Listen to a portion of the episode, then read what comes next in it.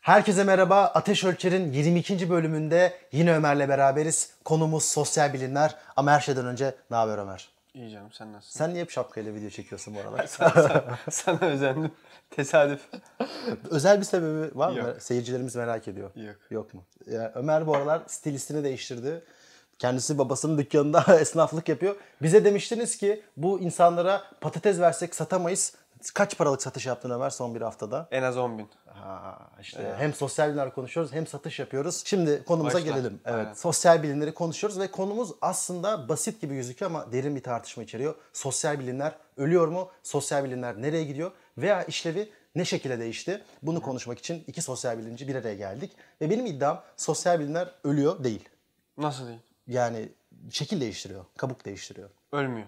Ölmüyor. Neden? Neden ölmüyor? Birincisi şu problemi ortaya koymak lazım. Bu çok bence Türkiye'de konuşulmuyor. Sosyal bilimlere ayrılan bütçe azalıyor dünyada. Evet. Ya bunun birkaç sebebi var. Birincisi ekonomik krizden geçiyoruz ve ekonomik krizden geçtiğinizde ilk aslında gözden çıkarabilen şey olarak sosyal bilimler düşünülüyor. İkincisi sosyal bilimlerin yapısı ve formu değişiyor. Daha böyle matematik ağırlıklı işte istatistik modelleri kullanan bir yapıya doğru gidiyor. Belki 1970-80'lerde okuduğumuz sosyal bilimciler vardı. Çok güzel makaleler yazıyorlardı. Bir hikaye anlatıyorlardı. O sosyal bilimler artık pek rağbet görmüyor. Özellikle Amerika'da ve İngiltere'de. Yani bunu hep konuşuyoruz. Ekonomi her yeri istila etti. Evet. Sosyal bilimleri istila etti ve her alan ekonomiye benzemeye başladı. Ekonomiye benzedikçe var oldu. Ekonomiye benzemezse de yok olmaya doğru gitti. Evet yani daha az rağbet görüyor. O 1970-80'de işte böyle kocaman yuvarlak gözlüklü entelektüeller düşünün. Büyük sorular. Aynen. İbn Farabi'den bir başlıyor. Aristoteles'e giriyor. Aristoteles'ten giriyor. İşte social dilemma teoriler falan. Hani bu tarzda konuşuyor. Hani Doğu neden geride kaldı? Aynen bu tarz. şeyler. Bunlar yerine özellikle daha böyle matematiksel formüller, bu tarz çalışmalar daha fazla gündeme geliyor. Bunda çok basit bir sebebi var. Birincisi büyük veriler oluştu. Big data dediğimiz işte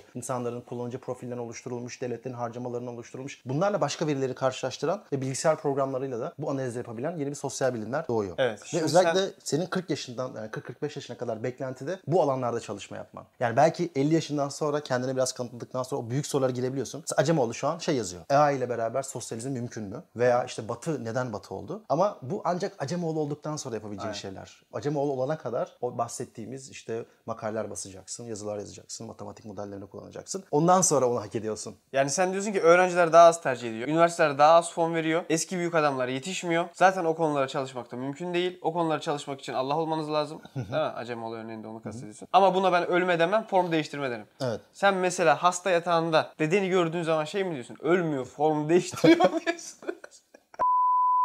Ben buna ölme diyorum. Hani sen öyle bir şey anlattın ki. Bence ölüyor işte. Ya ama şöyle ölmüyor. Eğer kafanızda böyle ben geleceğim ve büyük çalışmalar yapacağım veya 17. yüzyıl işte Belçika'sı çalışacağım. işte 18. yüzyıl Osmanlısında kahvehaneler çalışacağım falan diyorsanız büyük ihtimalle aradığınızı bulamayabilirsiniz. Bence Türkiye'de insanlar özellikle böyle sosyal bilimlere giren insanlar şey gibi düşünüyor. Akademi büyük entelektüelliğin merkezi ve böyle bir hevesle başlıyor. Ben kitap okumayı çok seviyorum. Evet. Entelektüel olmak istiyorum. O zaman sosyal bilim akademisinde devam edeyim. Devam edeyim. Ama böyle bir şey yok. Evet. Neden yok? İki sebepten ötürü. Birincisi Türkiye'de bence büyük bir plansızlık var. Yani Türkiye'yi geç, dünyayı Hayır, söyle. bence önce Türkiye'de. Çünkü 500 bin İBF mezunu veya öğrencisi olduğundan bahsediliyor ki hani bu tahmin edersiniz ki çok yani Olacak böyle bir Türkiye'nin böyle bir bunu istihdam edecek kapasitesi yok. Bunu karşılayacak altyapısı yok. İkincisi dünyada da bahsettiğimiz ekonomik krizden ilk vazgeçilebilen bir yapı olarak sosyal bilimlerden bir vazgeçiş var. Şimdi bu zaten bir kere bu sektöre girmenizi zorlaştıran bir şey. Abi piyasalaştı. Piyasalaştı, profesyonelleşti. Piyasalaşması demek de şu demek. Senin akademide var olabilmen için akademinin piyasa şartlarına uyumlu davranman Aynen. gerekiyor. Yani sevilen konuları çalışman gerekiyor. Bir yerlerde basabiliyor olman lazım. Çok rekabet ediyor olman lazım. Evet, e, o belli dergilerde basabilmek için o dergilerde basabilme kurallarına uygun davranman lazım. Yani günün sonunda sen istediğin şeyi yapamazsın aslında. Piyasanın sana dayattığı şeyi yapıyorsun. Evet mesela ben Siyaspo'da Türk milliyetçiliğin sekülerleşmesini çalıştım. Bence çok e, keyif aldığım, çok sevdiğim ve bence Türkiye için önemli bir konu olduğunu düşünüyorum. Hani bu benim kişisel fikrim. Akademik olarak hiçbir değeri yok. Eğer şu çalışsaydım İletişimde basarsın sadece. Tanıl Bora sever. Yani Başka bir şey Türkiye olmaz. için bence bence kamusal entelektüellik açısından önemli olduğunu düşünüyorum. Evet. Bir konu ama dünyada eğer akademide yer almak istesem ne çalışmam gerekiyordu? İşte environmentalism. Mesela benim bir arkadaşım işte environment çalıştı. Hani yeşil siyaset, yeşil siyasetin dönüşü falan. O zaman havada kapılıyorsun. Çünkü Aynen. yani zaten acayip fonlar var. Zaten herkes bu konuyu konuşuyor. Bir de bunu böyle belki Türkiye sosu ekleseydi göz önünde olurdum. Ama Belediyeler de onu yapıyor ya. AB fon alabilmek için böyle yalandan yeşil dönüşüm vesaire bir şey ekliyorlar projeler. Yani herkes aslında o paraya kaynağı oynuyor ve o kaynağı oynayabilmek için de istenen belli şeyler var. Onu Evet. yapmanız gerekiyor. Akademi de bundan ayrı bir pozisyonda değil şu an Evet. günümüzde. Temel İkincisi, problem o. İkincisi bence bir de e, belli çok büyük akademik kurumlar var. Özellikle bu Amerika'da işte Princeton'lar, Stanford'lar, Harvard'lar bunların çok büyük parası var. Ve oradaysan, o network'ün içindeysen hem bir yerlere kabul alman, yani fon alman, ne bileyim araştırma enstitülerine gitmen. İkincisi finansal olarak da devasa bütçelerden yararlanman çok önemli. Ama daha küçük bir akademik kurumdaysan çok da erişemiyorsun. Çünkü evet. büyük kaynak aslında %10'un arasına dağılıyor. Ama temelde bunlar niye oluyor? Çünkü sosyal bilimde yaptığımız şey, bizim yaptığımız şey para etmiyor abi. Bunu kabul etmek lazım. Biz ekonomik olarak bir değer üreten bir iş yapmıyoruz. Ben buna bir şerhim var yani. Ya biz biraz profesyonel boşçuyuz. Yok, ben- Boş atıyoruz. Şimdi bunu kabul etmek lazım. Yani niye bu bölümler yok oluyor dünyada? İşte yok oluyor mu? Yok olmuyor mu? Ya şöyle Ya fonlar azalıyor. Sos sosyoloji bölümü artık doktoraya mesela Amerika'daki büyük okulların bazıları az öğrenci alıyor. Veya direkt bu yıl ben doktorayı kimseyi almayacağım diyor. Lisans bölümüne kayıtlar düştü. Yani Amerika'da mesela bu İngiliz dili ve edebiyatı üzerinden konuşuluyor. ha, humanities evet daha büyük zarar. Humanities yok oluyor. Yani şeye göre yok oluyor. Geçmiş yıllara göre kayıtlarda ciddi düşüşler var. Neden? Abi sen o kadar para veriyorsun. 200 bin dolar, 300 bin dolar toplam üniversite hayatım boyunca. E dönüşü ne bunun? Yani bütün bir eğitim metalaştı ya. Yani bütün bir eğitim ekonomize oldu ve artık çok pahalı ücretler vesaire ve eğitim artık senin için bir yatırım aracı. Yani kendine yaptığın yatırım değil mi? Evet. O yatırımın karşılığı mesela Türkiye'yi düşün Sabancı'da 240 bin lira veriyorsun yıllık. E, bunun bir geri dönüşü olması lazım. Evet. E bunu nasıl şimdi sen 240 bin lira verip kültürel çalışmalar okuyabilir misin? Sabancı kültürel çalışmalara kimse kaydolmamıştı ben oradayken. Sıfır. Lisansta sıfır öğrenci vardı.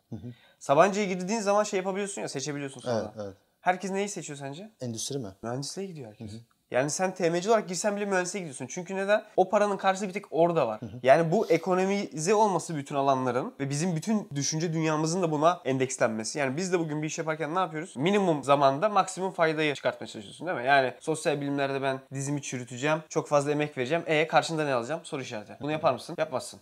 O yüzden bugün ben bütün bana soranlara diyorum ki baban zengin değilse okuma. Çünkü hakikaten buna gitti. Gerçek değil mi bu? Baban zengin değilse tarih okuyup ne yapacaksın abi? Boğaziçi tarih çok güzel bölüm. Okuması keyifli. Ne olacak? Sosyal bilimin ölmesi çok makul değil mi şu an? Sen yani çocuğun olsa tarih okutur musun?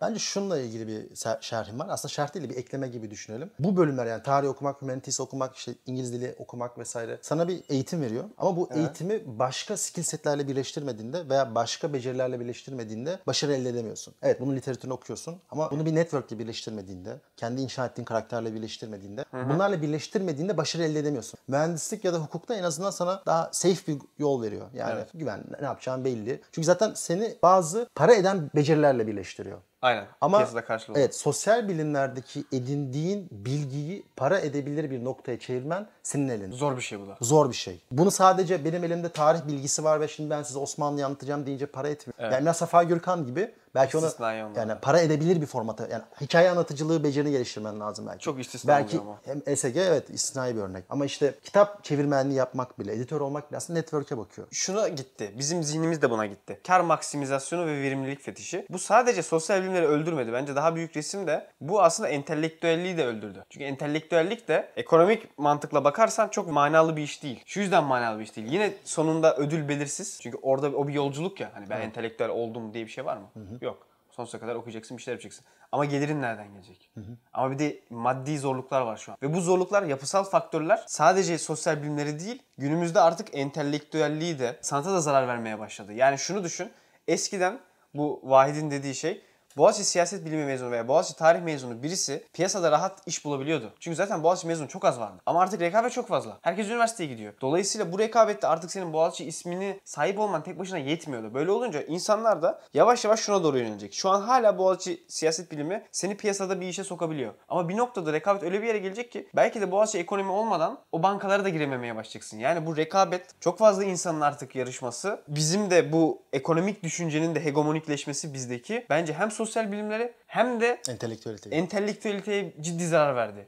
Yani bundan sonra İlber Ortaylılar çıkacak mı ben bilmiyorum. Bence sorun ana kaynağı şu. Diyorsun ya işte ekonomik düşünce hegemonikleşiyor ve her zaman kar maksimizasyonuyla düşünüyoruz. Bence herkes için böyle değil. Mesela Birçok insan aslında büyük paralar kazanmayı hayal etmeden istediği şey belki kitap okumak, kitabını yazmak, bir şeylerle katkı sunmak. Ama içinde yaşadığımız çağda eşitsizlik, prekaryalaşma, işte güvencesizlik, geleceksizlik o kadar böyle yaygın ve derin bir şey oldu ki bunları bile yapamaz hale geldi. Yani insanlar ben ayda 40 bin lira, 50 bin lira kazanmayayım. Günün sonunda 25-30 bin lira cebime girsin. Yani hayatımı idame ettireyim. Onurlu bir hayat yaşayayım. Bunun yanında büyük işte bankada trader olmama, finansçı olmama, işte veri uzmanlığına falan sahip olmadan entelektüel işimi yani entelektüeliteli işimi birleştireyim istiyor. Ama bu bile sağlanamaz durumda. Bence ana sorunlardan biri de bu. Akademide 35-40 yaşına kadar işte postdoc kontratlarıyla yaşamak zorundasın şu an. Tabii. Tenür vermiyorlar. Yani işte bir sene orada, bir sene burada. Hele Avrupa'da sürekli gezmen gerekiyor işte. Tabii. Var böyle insanlar. 3 sene Hollanda'da, 2 sene Münih'te, 1 sene Paris'te. Sürekli belirsizlik, sürekli Aynen. düşük maaşlarla hayatını idame ettirmeye Sana bunu mu- mahkum ediyor. Belki içinde olduğumuz yani eşitsizlik ve prekaryalaşma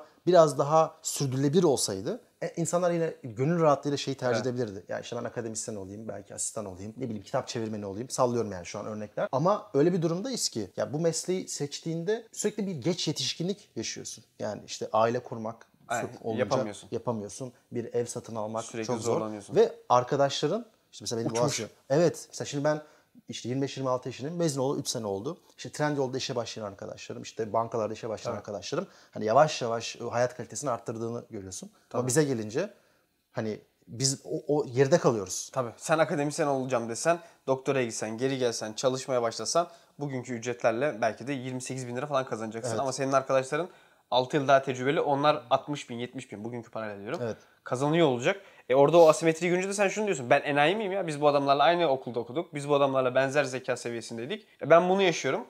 Onlar onu yaşıyor. E ben günün sonunda entelektüel olarak uçuyor muyum? Yani entelektüel haz anlamında. O da olmuyor. Evet. Çünkü piyasaya bağlı çalışıyorsun yine. Piyasanın istediklerini yapıyorsun yine 3 aşağı 5 yukarı. Yani biz ne kazanıyoruz? Yani biz bu işi niye yapıyoruz belli değil. Bu da bence büyük bir çelişki yaratıyor sosyal bilimler için. Yani sosyal bilimlere bu kadar emek vermek ve bu yolu seçmek günün sonunda enayilik gibi oluyor. O yüzden de ben sosyal bilimlerin ölmekte olduğunu düşünüyorum yani. Bu çelişkiyi ortadan kaldıramıyoruz abi. Bence hiçbir zaman ölmeyecek. Çünkü Gates'in bir lafı var. E, sosyal bilimlerin tezatı sosyal bilimler olmayan bir dünya değil. Sosyal bilimlerin tezatı kötü sosyal bilimler diyor. Ben iyi ve kötü diye ayırmıyorum. Aslında belli hegemonik fikirler var ve sosyal bilimler yapabilecek olan bir zümre, işte büyük zengin zümre veya varsal zümre veya aristokratik zümre. Onlar devam edecek. Çünkü hani baban zaten sana ekonomik bir refah sunuyorsa zaten bu ya da sana kültürel olarak aileden aileye, jenerasyondan jenerasyona aktarılan bir eğitimse onlar yapmaya devam edecek. Fakat işte belki senin benim gibi veya işte Türkiye'nin geri kalanındaki birçok insanın olduğu gibi e, ekonomik refah kendi çalışması sonucu elde etmek zorunda olan insanlar bu sektöre daha az girecek. O entelektüel üretime daha az girecek. Ama şöyle bir gariplik de olmadı. Mesela eskiden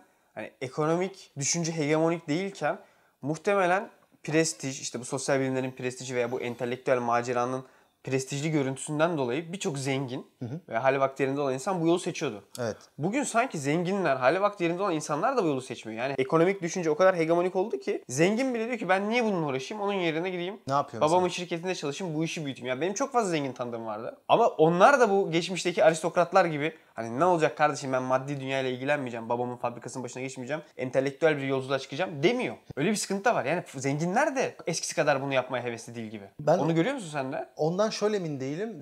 Mesela bundan 50 veya 100 sene önce de zenginlerin kaçta kaçı bunu takip ediyordu. Yani bence onda bir sayıda bir değişim olmamıştır. Ben ve halta PhD işte elde etmek, işte Amerika'da doktora Ama yapmış olmak- geçmişteki şeyi düşün. Hal- geçmişteki prestijli. entelektüelleri düşün. Tamam aristokrattır. Tabii. Bak bence işte geçmişte olay şu. Aristokrasiyle zenginlik kesişiyordu. Ve Evet. şimdi dünyada yeni bir dönem başladı. Entelektüel aristokrasi zenginlik ilk defa kesişmiyor. Yani ilk defa işçi sınıfı ailelerin çocukları işte akademik olarak bir beceri elde edebiliyor veya bir pozisyonlara Evet. gelebiliyor. Bu dünyanın uzun trendiyle alakalı bir şey. Yani bu sadece Türkiye'ye has değil. Amerika'da da hatta Amerika'da first generation diye bir kalıp var. Hani ben ilk, İlk defa kez aynen, üniversite aynen, okuyan. ilk kez üniversite okuyan. Bir de onun başka bir kalıbı var. İlk kez akademisyen olan. Ama hani bu böyle iki tane farklı kavram var. Hatta bunu biz first genler falan deriz mesela. Bu şunu aslında belirtiyor. Gerçekten normalde akademisyenlik veya o entelektüel bilgi aileden aileye aktarılan sınıfsal bir şey. Şimdi Sciences Harvard, Oxford, Cambridge gibi dünyadaki en prestijli üniversitelere gidince şey görüyorsun. Babası da aslında okuldan Oradan, mezun olmuş. Dedesi de oradan mezun olmuş. Senin deden Harvard'dan mezun olduğu için sen de onun torunu olarak Harvard'a girme şansın çok artıyor. Doğru. Ama bu çocuklar sanki şunu yapıyor gibi geliyor bana artık günümüzde. Benim bir girişim yapmam lazım, startup yapmam lazım. Oradan kendimi kanıtlamam lazım. Yani bu çocuk ben kendimi sosyal bilime vereceğim, felsefeye vereceğim, siyasete vereceğim ve oradan bir başarı hikayesi yazacağım demiyor gibi geliyor bana. Siz görüyor musunuz ya zengin elit aileli çocuklarından Robert mezunları falan şeyler böyle. Entelektüel bir yolculuğu önemsiyorlar. Bizim Robert arkadaşlarımızın tamamı piyasaya girdi ya. Yani şey değil. Benim babam çok zengin abi. Ben felsefe okuyacağım ve felsefeci olacağım diyen yok. Dücane mücane. Fakirler yapıyor yine. Bourdieu'nun lafı mıydı o şey diye. Bir yere fakirler girerse o yer biter, bitmiştir aga. diye. Yok ya. Mesela Bourdieu tam tersini söylüyordur diye düşünüyorum. Çünkü babası bir posta memuru ve hatta Fransız taşrasından Paris'e geldiği için düşünce dünyamızda normalde o hep aristokratik sınıf tarafından şekillendirilmiş dünyaya başka bir şey söyledi. Sosyal bilimlerin kapsayıcılığı daraldıkça bu sınıfsal ve kültürel olarak e, bence daha dar bir bakışı doğru bir perspektif gibi düşünmeye meylediyor bize. Daha zengin olması yani zenginlikten kastım Tamam. daha böyle farklı yapıları barındırması çok daha önemli. E bu açıdan bir demokratikleşme oldu. Oldu. Evet ama şimdi onun bence bir önce bir açılım süreci olur. Sonra bazen gerileme süreci olur. Bir gerileme süreci içerisindeyiz gibi düşünüyorum ben. Ya sence şu an yapılan işler mesela parlak mı? Bana baktığım zaman böyle bir tarihsel bir perspektiften değerlendirince yani son 20-30 yılda çok yeni ve büyük şeyler söyleniyor mu ondan da emin değilim.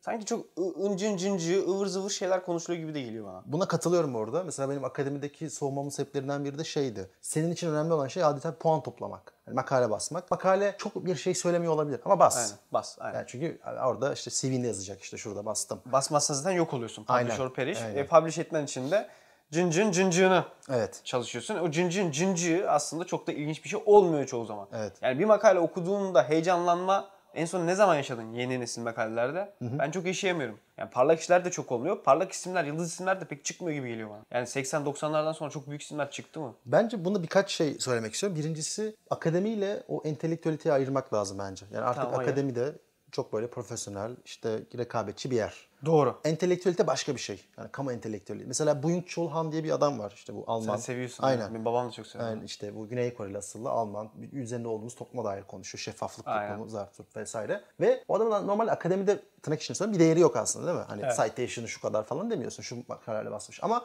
toplumu etkiliyor. O bağlantı bayağı koptu diyebiliriz hatta. Evet. Değil mi? Yani akademinin tamamen uzmanlaşmaya evrilmesiyle insanlar artık çok küçük bir alan çalışmak zorunda kalıyorlar. Piyasa şartları gereğince, akademik şartlar gereğince. Dolayısıyla akademik hayatla yani akademiyle entelektüellik arasındaki bağ koptu günümüzde. Mesela bugün Türkiye'de isim vermek istemiyorum ama iyi bir siyaset bilimci düşün. Meşhur bir siyaset bilimci akademik anlamda çok fazla yayın olan. O mu daha entelektüel yoksa Tanıl Bora mı daha entelektüel desen? Tanıl Bora dersin. Evet. Muhtemelen. Bu yüzden aslında entelektüellik artık akademi dışı da yeni alanlar da kazanıyor. O senin dediğin şey. Kesinlikle katılıyorum. Ben bazen Twitter, Discord veya YouTube'da çok daha fazla şey öğrendiğimi hissediyorum. Mesela Tost şey var ya Immanuel. Immanuel parlak bir adam ve esas işi akademisyenlik de değil, sosyal bilimler de değil. Düşünmek yani Düş, aslında. aynen, tamamen hobi ve keyif için yapıyor aslında ve iyi de yapıyor. Evet. Dolayısıyla aslında akademinin o hegemonik gücü de yok bu alan üzerinde. Entelektüellik üzerinde. Ama entelektüellikten ne anlıyoruz? Bir onu konuşalım. Onun üzerinde ben birkaç şey söyleyeceğim. Yani sen entelektüel dediğim zaman ne anlıyorsun? Yani entelektüel bence tanımı yapması zor bir şey ama günümüzün problemlerine kafa yoran ve bu çatışmaları, belki mücadeleleri, işte belki uzun elimli insanlığa dair soruları soran insan veya onları tartışan insan gibi geliyor. İlla bir cevabı olmasına gerek yok bence her zaman. Bazen o soruları devam ettirmek veya onları kaşımak da bir önemli bir nokta. Ve bence şu an entelektüel diye birini tanımlayamamızın birkaç sebebi var. Birincisi artık çok fazla hikaye var. Ya 1950, 60, 70'lerde herkesin ortak kahramanları vardı. Yani Michael Jackson vardı, Muhammed Ali vardı. Ne bileyim ben değil mi? Bir tane insan var. Çünkü tek televizyon var, tek kanal var, tek hikaye var. Herkes onu dinliyor. Belki internet kadar decentralized değildi.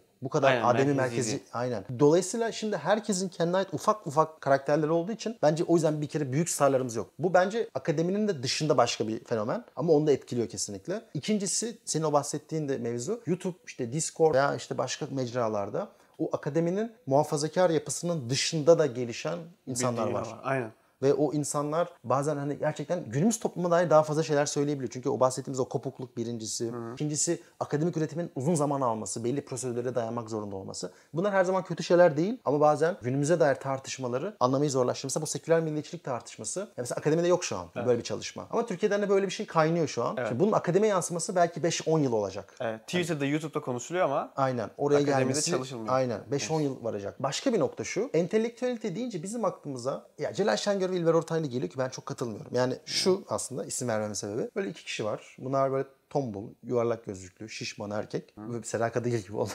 hani zengin. Aynen. Zengin, Zengin, bir de zenginlik beyaz. de var. Ya asıl mesele şu. Bunlar bize gereksiz bilgileri anlatıyor abi. Ben açık konuşayım. Yani bir program açıyorsun tamam? Fatih Altaylı. Yok Mozart'ın dedesinin adı şuymuş. Yok Yavuz Sultan Selim şu kıyafeti giyiyormuş. Hani bu Ama bunlar biraz böyledir de yani. Gereksiz şeyler anlatıyorlar. İşte entelektüellik de tam olarak budur. Gereksiz şeylerin peşinde koşmaktır. Zaten senin düşüncen yüzünden öldü bu iş. Hayır. Gerekli değildir çünkü yani insana hayata dair düşünmenin, sorgulamanın pratik bir, ekonomik bir faydası yok. O yüzden insanlar bıraktı bunu. Hayır. Şimdi bak mesela çocukları düşünün. Bak entelektüellik niye ölüyor? Bizim zamanımızda zamanımızda ben hatırlıyorum. Bizim zamanımızda çok eski değil aslında ama 10 yıl önce.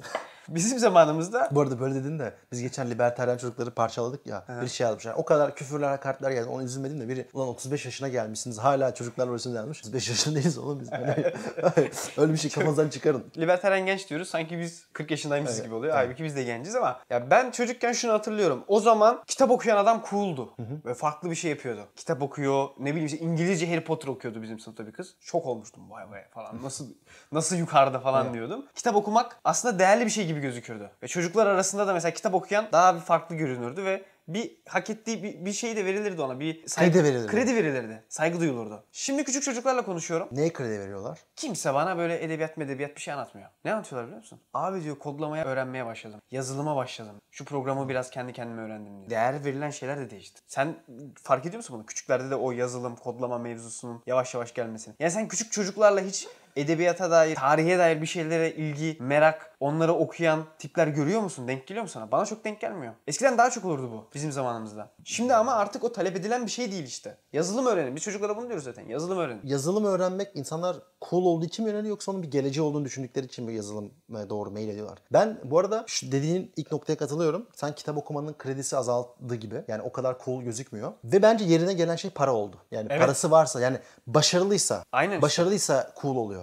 Yani onu ben ben de biraz hissediyorum gibi. Yani artık hatta başarısızlıkla eşleştiriliyor kitap okumak. Yani kitap okudun Evet. ama ne oldu? Aynen Yani- öyle. Yani ne yaptın? Zaten bir anti entelektüel dalga var ya. Anti entelektüelizm bütün dünyada. evet. Onun da etkisiyle belki bundan da beslenerek hani ne oluyor sen üç dil biliyorsun da ne oluyor veya işte sen kitap okudun da ne işe yaradı? Hatta bu son dönemde Türkiye'deki bence siyasal atmosferle de alakalı bir dikotomi var. Kitap okuyan işte entelektüel bir adam. Geek, nerd. Bir, bir de onun karşısında ticaret yapan esnaf. Tamam mı? Aynen. Anadolu esnafı işte çat çat et, Besim şey, Tibuk. falan şey yapıyor. İşte- Besim Tibuk, Yaşar Altun'dan. Ha, böyle bir ikilem. Ve işte sen orada başarısız platformdasın. Bence ama bunun sebebi dünyada ve Türkiye'de özellikle anti entelektüel hava. Hani yaptı, yani boş konuşma. Anladın Aynen. mı? Hani kafamızı yorma bizim. Bence bunun sebebi şu olabilir ama hani biraz da eleştirel yaklaşayım. Entelektüellik demeyeyim ama günümüz eğitimli kesme işte yeşil siyaset, işte büyümemek, kimlik siyaseti, göç, hayvan hakları gibi daha böyle progresif şeyler konuşulduğu için bunlar birçok insan tarafından onların değerlerini saldıran veya işte inşa ettiği medeniyeti, moderniteyi dekonstrakt etmeye çalışan, yıkmak isteyen figürler olarak gözüktüğü için mi böyle eleştiriliyor? Sen akademi akademi veya entelektüel gözükenler ekseriyetle sol liberal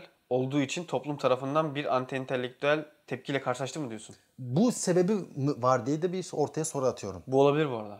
Ya bunlar bizden kopuk. Evet. Bizim Fil değerlerimize, kulelerden. aynen fil dişi kulelerinden bizim değerlerimize karşı ve bizim değerlerimizi sürekli zarar veren, altına oymaya çalışan bir grup insan hiçbir işe de yaramıyorlar. Topluma hiçbir faydaları da yok. Pratik bir yarar da getirmiyorlar. Bunun üzerinden beslenen bir anti entelektüel dalga olabilir. Bence tabii bunun üzerine inşa edilen bir siyasi retorik de var. Hani bu insanlar böyle Bütün olmasa dünyada dahi. Evet. Ya şunu, şunu demek istiyorum. Böyle olmasa dahi herkes, bütün entelektüeller, siyasi otorite bütün entelektüelleri böyle gösterip daha kolay bir hedef haline olabilir. Yani aynı anda iki neden var. Tek neden bu demiyorum yani. Bu eleştiriyi ortaya bıraktım. Şimdi ikinci cevaba geçiyorum. Entelektüellerin hepsi de böyle değil aslında. Ya birçoğu insanların düşündüğü gibi işte toplumdan kopuk, toplumun değerlerini sorgulamak isteyen, onları böyle alaşağı etmek isteyen figürler değil. Tabii ben de katılmıyorum o şeye ya. Bütün bu entelektüeller sadece belli bir fikire sahip bir grup insan ve toplumun değer verdiği şeyleri yıkmaya çalışıyorlar. Öyle bir şey yok. Zaten demokratikleştiği zaten herkes var. En sağcısı da var, en solcusu da var. O yüzden o o algı problemli ama şeye ne diyorsun sen? Artık bundan 50 yıl sonra, 30 yıl sonra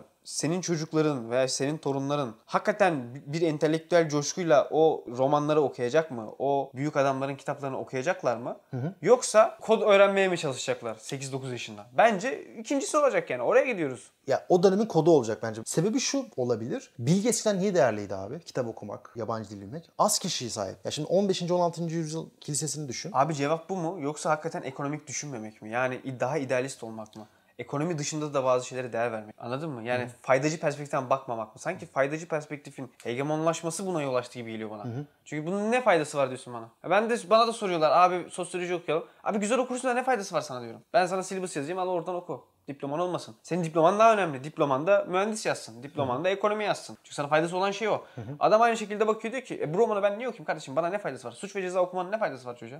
Ben herkesin bu kadar pür, yüzde yüz ekonomik baktığını çok düşünmüyorum. Çünkü insanlar böyle aynı anda birçok hissiyatını tatmin etmek istiyor. Sence niye kişisel gelişim kitapları daha çok satıyor? Ama insanların kendisine dair bir fikri oluşmasını istiyor insan. Bana sanki şey gibi geliyor yani. Buradan da hani Bir fayda bir şey koparalım? öğreneyim, kendimi geliştireyim, daha iyi bir ürün ortaya çıkartayım, daha iyi bir ürün pazarlayayım. Kişisel gelişim kitapları 1930'da, 40'da, 50'de falan olan şeyler miydi? Bana Yani şey geliyor, insanların popüler miydi? %80'i şunu istiyor sadece. Finansal sürdürülebilir bir hayatım olsun. Yani çok para kazanmaktan ziyade bir ev alayım, bir araba alayım, çocuklarıma güzel bir gelecek bırakabileyim. Hani insanların amacı şey mi gerçekten? Mühendis olayım ve 100 bin lira kazanayım ayda. Hani bundan ziyade sallıyorum hukukta da veya sosyolojide tırnak içinde rakamlara uydurma 30 bin lira kazanabileceğini görse belki sosyoloji de okur. Çünkü bana şey gibi hani finansal tatmin o şey eğrisidir yani Eğri. azalan bir eğri. Yani Aynen. 10 bin liradan 30 bin liraya çıkmanın arttırdığı mutluluk muhtemelen 3-4, 10 üzerinden. 30 bin liradan 50 bin lira içince muhtemelen 1-2. Doğru. O yüzden insanlar finansal sürdürülebilirliği isterken bir yandan da şey hissetmek istiyor gerçekten. Film izledim, şu şunu gördüm. Kitap okudum, şunu hissettim. Hani insanlar o kendisine dair ve dünyaya dair bir fikri olmasını önemsiyor. Ama 50 yıl önce bu çok daha dar bir kitleye aitti. Düşünsene film izlemek. Bak 90'larda sinefillik niye cool'du?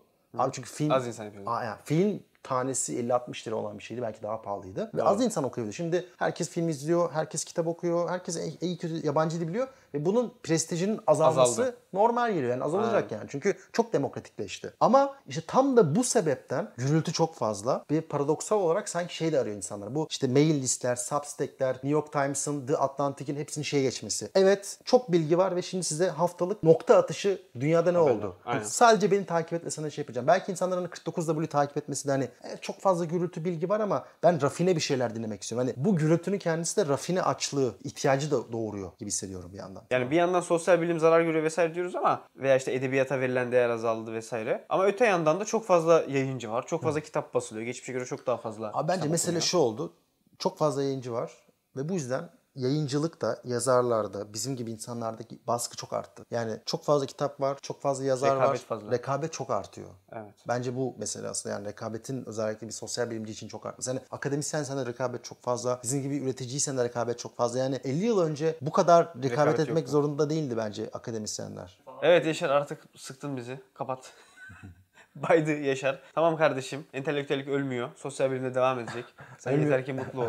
yanlış yatırım yapmadın. Yanlış yere gitmedin. Bu arada entelektüellik ölürken Türkiye'de yükselen bir mecra var. Entelektüelliğin şanını yükselten bir mecra. 49W. Aynen. Lütfen Patreon'dan bu mecrayı destekleyelim ki Türkiye'de entelektüellik ölmesin. Sosyal bilime biz emek vermişiz. Şu emekler boşa gitmesin. Biraz biz de elimizden geldiğince katkı sağlamaya çalışıyoruz Türkiye'deki bu tartışmalara. Siz de bu tartışmaları biz destekleyerek aslında destek olabilirsiniz değil mi? Evet, biz kesinlikle. ölürsek Yani 49W sosyal bilimler ölür. Yok o kadar o, o kadar değil. Ama hani 49W düşerse Kudüs düşer. Enflasyon düşer. 49W'nun ben sevdiğim tarafı community hissiyatı. Yani işte bir buluşma yapıyoruz 100 kişi geliyor. Aynen. İşte bir Discord server var 2000 kişi olmuş. Ben bazen sabah bir giriyorum gece işte Hayek falan Marx tartışmış. Yani diyorum müthiş yani. Yani bu devirde bu çağda düşünmeye değer veren, sorgulamaya değer veren insanlardan oluşan bir kitle Evet. yarattık. Bir de tabii tercih dönemi için gelen. Gel, gelsinler başımızın biri var da insanlar bence işte bu komüniteyi arıyor gibi hissediyorum. Yani şey çok ilginç değil mi? Bir yandan böyle en çok iletişim kurabileceğimiz çağdayız. Yani iletişim araçları olarak ama bir yandan insanların en yalnız hissettiği de dönem yani muhtemelen insanlar birçoğu evde yalnız hissediyor. Yani bu videoyu izleyenler de. Anlamlı ilişkiler arıyor. Evet. Bu anlamlı ilişkilerin bir parçası da birçok insan için 49 da buluyor. Yani belki e, 1000 kişi, 2000 kişi için oradaki o yorumlardaki tartışmalar, Discord'daki tartışmalar, yüz yüze buluşmalar. Veya şeye bir tepki de var hani bu dünya böyle bir trend var dedik ya ekonomize olması, her şeyin faydacılık üzerinden şekillenmesi ve gereksiz uğraşların yık bitmesi. Buna tepki duyan bir grup da var belli ki. Ve bunlar da aslında kendi yollarını Çizmeye bulmaya çalışıyorlar. 49W onun bir aracı veya işte mesela artık paralı şeyler olmaya başladı. Böyle ders vermeye başladılar. Tanıl Bora bir şey anlatıyor, Dücane bir şey anlatıyor. Buna da bir talep var. Evet. Bunun da bir kitlesi var aslında. Evet. Hani bu bahsettiğimiz trende karşı bir tepki oluşturan bir grup insan da var. Evet. Bunlar az da değiller yani. Dilozof falan çok izleniyor abi. Evet. Bu da değerli. Sosyal bilimler ölüyor mu ve bununla beraber entelektüelite nereye gidiyor onu konuştuk. Sizin fikirleriniz neler? Siz ne düşünüyorsunuz? Sosyal bilimler ölüyor mu? 49W hakkında ne düşünüyorsunuz? Sizce bu boşluğu dolduran bir kanal mı? Bizi takip ediyorsanız arkadaşlarınıza önermeyi veya finansal olarak desteklemeyi unutmayın. Unutmayın 49W sizin varlığınızla var oluyor. Kendinize iyi bakın.